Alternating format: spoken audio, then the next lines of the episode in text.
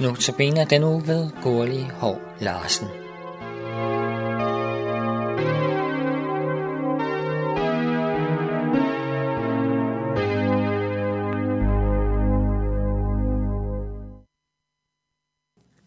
Min andagt skal i dag handle om Jesu relationer til mennesker. Mange af de mennesker, Jesus mødte, var ildesete, ikke regnet for noget.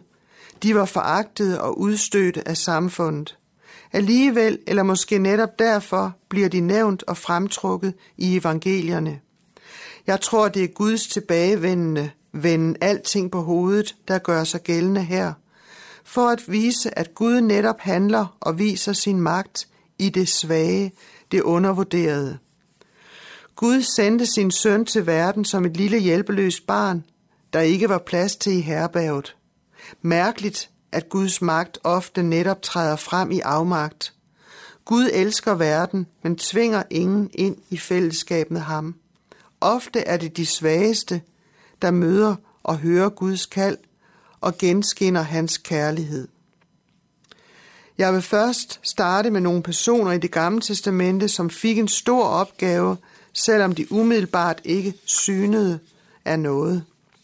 Moses, den lille jødedreng i Sivkurven, blev senere efter at være fundet af faraos datter og ophøjet til prins af Ægypten, og derefter ydmyget og forvist til ørkenen.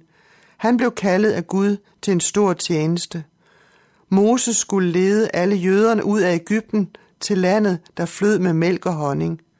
Moses forsøgte at undslå sig flere gange, men Herren sagde, Gå nu, jeg vil være med dig. Og han gik og oplevede Gud, der både gik foran og bagved og hjalp hele vejen.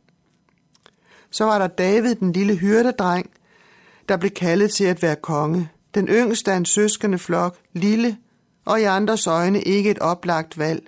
Men Herren sagde, jeg ser til hjertet, og David blev kongen efter Guds hjerte. Så var der den unge Gideon, der blev valgt til at stå i spidsen for et kæmpe slag mod midjanitterne, en overmægtig fjende. Gud gav ham flere tegn undervejs for at overvise ham om, at netop han var udvalgt til opgaven. Og derefter tog Gud så de fleste mænd fra ham, så han måtte kæmpe slaget med en meget lille hær og vandt slaget ved Guds kraft. Den mægtige syriske herreførende Aman blev ramt af spedalskhed.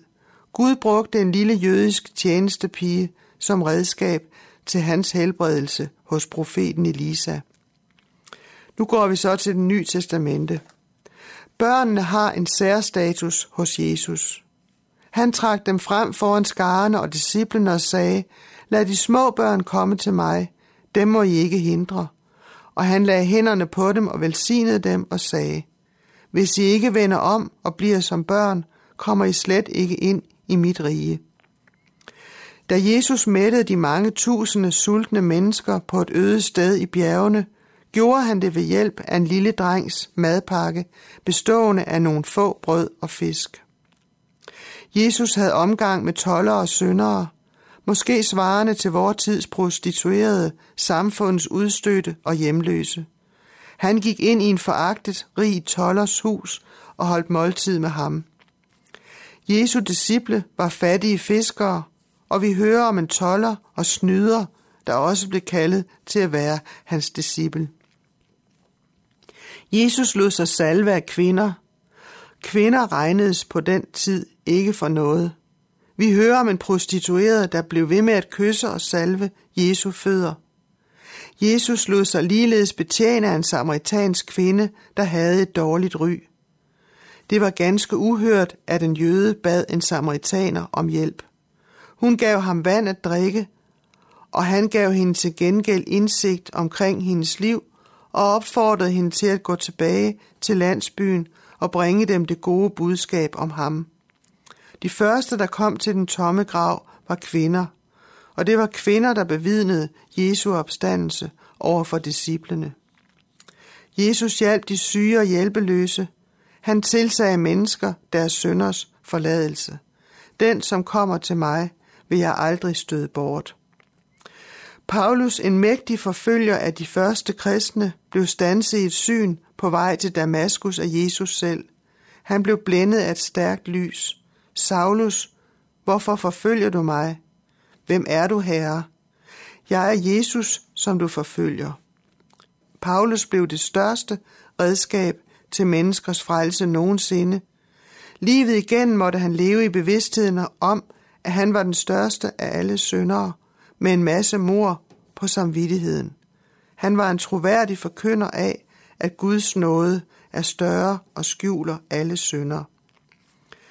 Vi hører i vores tid også om kristenforfølgere, for eksempel muslimer, imamer, krigere, der ser det som en hellig pligt at udrydde kristne. Nogle af disse bliver mødt af Jesus i syner og drømme. Hver dag, anno 2015, bliver danskere, etioper, grønlændere, syrere, ja mennesker overalt i verden mødt med evangeliet. Guds rige går fortsat frem. Dette sker ved mennesker og vidner, der på samme måde som disciplene går ud i alverden og bringer evangeliet videre. Og alle dem, der tog imod ham, gav han magt til at blive Guds børn, alle dem, der tror på hans navn. Vi får tilsagt ordene, du er dyrebar i mine øjne, højt agtet, og jeg elsker dig. Og dette evangelium skal forkyndes over hele jorden til et vidnesbyrd for alle folkeslagene, og så skal enden komme. Tak til ham, som var, som er og som kommer. Amen.